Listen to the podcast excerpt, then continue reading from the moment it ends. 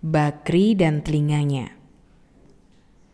Cerpen karya Nisa Ul Afifah Versi cetak Antologi Tabuh Tak Tabu 2018 Beberapa nini mama berseteru kecil di pojok rumah gadang.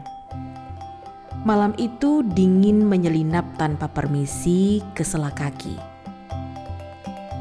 papan kayu menjadi penjalar gigil telapak. Empat datok berbusana hitam menyantap lompong sagu di meja. Di hadapan mereka, jendela sibuk mengikuti denyut angin. Dato ingin kau ambil hati Dato yang lain. Ujak Dato Bahar pada Bakri. Ndak mengerti ambo Dato. Maksudnya bagaimana? Dato di sini hendak mengajukan kau jadi pemuka adat. Banyak keuntungannya. Jangan sampai orang rantau yang baru datang yang ambil posisi. Ndak suka mo. Apa yang harus ambo lakukan Dato? Barajalah talempong Zaman sudah agak berubah. Adat mulai dinomor dua kan. Onde, awak lebih sanang di suara babul sajo dato. Keluh Bakri. Bakri bingung. Agaknya syarat menjadi dato bukanlah seperti itu. Yang ia tahu, dato haruslah berlaku bijaksana menjadi panutan bagi kemenakan, paham adat, dan keputusannya sangat dipertimbangkan. Bakri berpikir panjang. Apakah talempong masih menjadi simbol adat atau kebesaran Raja Minang? Cubolah cali orang batalempong paci. Maka pak, tidak pakai talempong goyang saja Halah, kau ini banyak nak ngertinya ya. Sontak terdengar suara talempong bergema. Nadanya indah dan berani. Nampak penyanyi mengiringi talempong itu. Mereka bergandengan dalam penyajian hiburan kali ini. Anehnya, yang dapat mendengarkan talempong itu Bakri. Sebab dato-dato itu tidak mengajukan komentar apa pun. Ia bingung. Suasana sore ini cerah, layaknya sumringah para anjing yang siap menyantap kelompok babi. Bakri mengelus badan anjingnya. Ia edarkan pandang pada sekitar ditemukanlah Zuhri. Karib di pematang sawah dulu. Zuhri tak berubah. Masih selalu mengalungkan suliang di lehernya. Sudah lama tak bersua, Zuh. Oi, Bakri. Calon datuk. Aman-aman saja kan kau? Tanya Zuhri. Dari mana kau tahu awak anda jadi dato? Dato Bahar bilang ingin kau jadi dato. Dato Bahar bilang ingin awak mengajarkan kau telempong paci. Awak cukup bingung Zu. Talempong paci dan talempong goyang tuh perbedaannya apa? Toh talempong goyang lebih diminati daripada talempong paci. Apa kau tak merasa talempong goyang memiliki banyak nada? Cara memainkannya saja sudah berbeda. Talempong paci digenggam di satu tangan. Tangan lainnya memegang pemukul. Sedangkan talempong goyang tak perlu kita pegang talempongnya kan? Awaklah tahu soal itu Zu. Yang awak heran Kan mereka berdua kan jelas sama-sama musik tradisional. Mengapa Datuk minta awak hanya belajar talempong paci sajo? Onde mande, ndak usahlah kau jadi dato kalau ndak tahu apa-apa. Orang Minang zaman kini banyak yang ndak tahu. Musik talempong goyang itu kan musik hybrid bagi masyarakat Minangkabau. Apa tuh hybrid?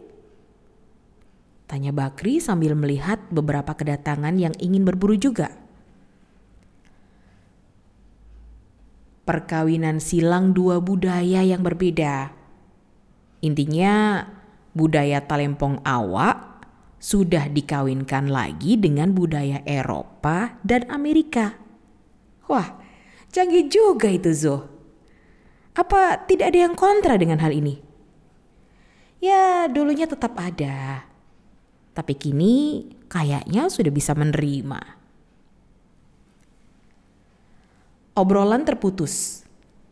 Pemburu lainnya sudah berteriak, Pintela dia teh. Mereka berlarian. Anjing-anjing lahap memakan babi hasil terkaman. Suara riuh oleh teriakan para pemburu dan penonton di lapangan. Berburu ialah hobi para pria Minangkabau. Tujuannya tak lain adalah memberikan makan para anjing yang berjasa banyak bagi mereka. Di tengah riuh kegiatan berburu, Bakri mendengar suara talimpong lagi ia berkeliling lapangan mencari sumber suara. Tidak ada. Ia kembangkan kupingnya yang kumal. Tetap susah mencari nada talempong melalui angin. Ia tadahkan wajahnya ke langit. Langit tak acuh sebab terhirup dalam balut mesra awan gumawan. Bakri jadi tak punya hasrat berburu. Dia kesal. Ini kali kedua ia mendengar suara talempong tanpa wujud. Maka Bakri lekas membawa anjingnya pulang. Meninggalkan riuh lapangan. Ah, ia ingin istirahat saja. Itu tentu hanya bisa ia lakukan setelah ia menuruti omongan istrinya. Sebab menyentuh anjing dan babi, ia mesti menyucikan tubuhnya dengan tanah. Begitu istrinya bicara tiap ia pulang dari kegiatan berburu. Udah, apa udah lupa besok awak harus ke bukit melihat nikahan kemenakan? Iyo, udah ingat Siapkan saja amplop untuknya. Di pernikahan kemenakannya itulah Saluang menjadi primadona. Banyak juga pemuka adat yang hadir hari itu. Mempelai dan anak Daro bertukar senyum tanpa terputus-putus. Pemain talempong goyang bersiap memainkan aksinya bersama penyanyi cantik dengan suntiang kecilnya. Hmm, penyanyi itu menyanyikan lagu pop. Gumam Bakri. Ia mulai mengerti ucapan Zuhri. Benar saja, talempong goyang memiliki banyak nada. Pasti musik pop telah berperan menjadi babak baru dalam hibridasi talempong goyang. Bisa dibilang para pemain talempong goyang telah mengambil musik pop sebagai acuan estetika musiknya.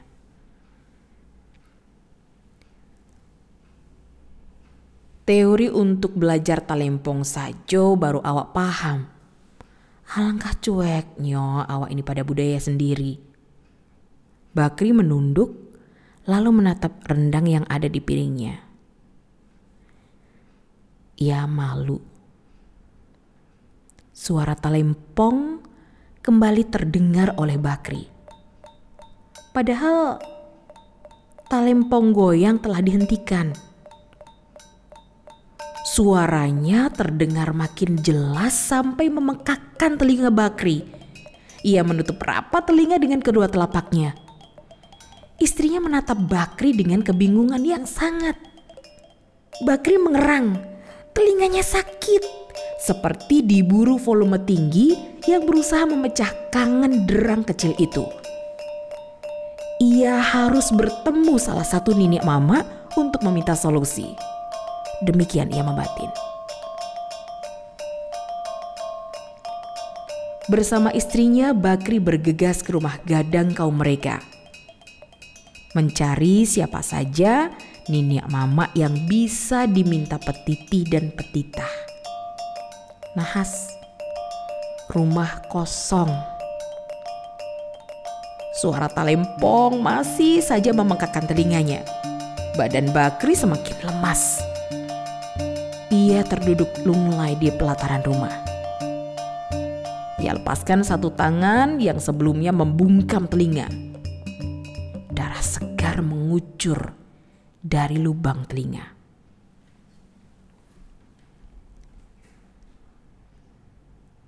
Dalam tidurnya, Bakri memimpikan dirinya lihai bermain talempong paci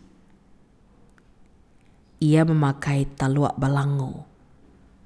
Pertanda sedang tampil di muka umum. Lengannya luas, telinganya bersinergi dengan musik-musik pengiring talempong paci. Semua penonton menunjukkan mata kusyuk. Di antara mereka ada sang istri yang tak henti-henti mengurai senyum. Namun ada satu dato yang menatapnya tajam. Bakri takut. Sedangkan permainan talempong paciknya tidak dapat dihentikan. Para penonton mulai menatap heran pada Bakri. Acara usai, tapi tangan Bakri tak dapat dilepaskan dari talempong paci.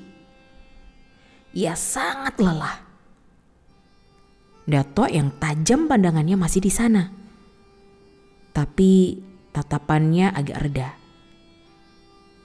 Bakri bermaksud mendekatinya, namun kakinya keluh.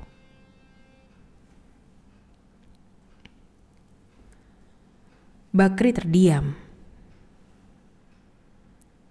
Ia menatap talempong yang ada di pojok rumah gadang. Ia sentuh bedaku dengan itu. Ya raba. Ia elus. Lalu ia coba ketuk untuk mendengarkan suara yang dihasilkan. Hati dan pikirannya masih terus bertanya, mengapa ia terus berhalusinasi tentang telompong? Kesadaran yang tak mungkin ia hindari adalah ketidaktahuannya tentang budaya sendiri. Budaya Minangkabau. Bakri, kamarilah. Duduk di siko. Ada ubi abui. Iya Datuk. Bah, kok teman nuang mana tuh? Ndak apa-apa Datuk. Awak hanya heran saja Mengapa kok sering terpikir tentang talempong itu? Awak juga ingin mengundurkan diri jadi dato. Dato Bahri tersenyum, mengelus punggung Bakri. Dato santap ubi rebus dan teh panas. Bakri heran. Entah apa arti senyum Dato ini. Kemudian Dato memegang telinga Bakri pelan-pelan. Bakri makin bingung.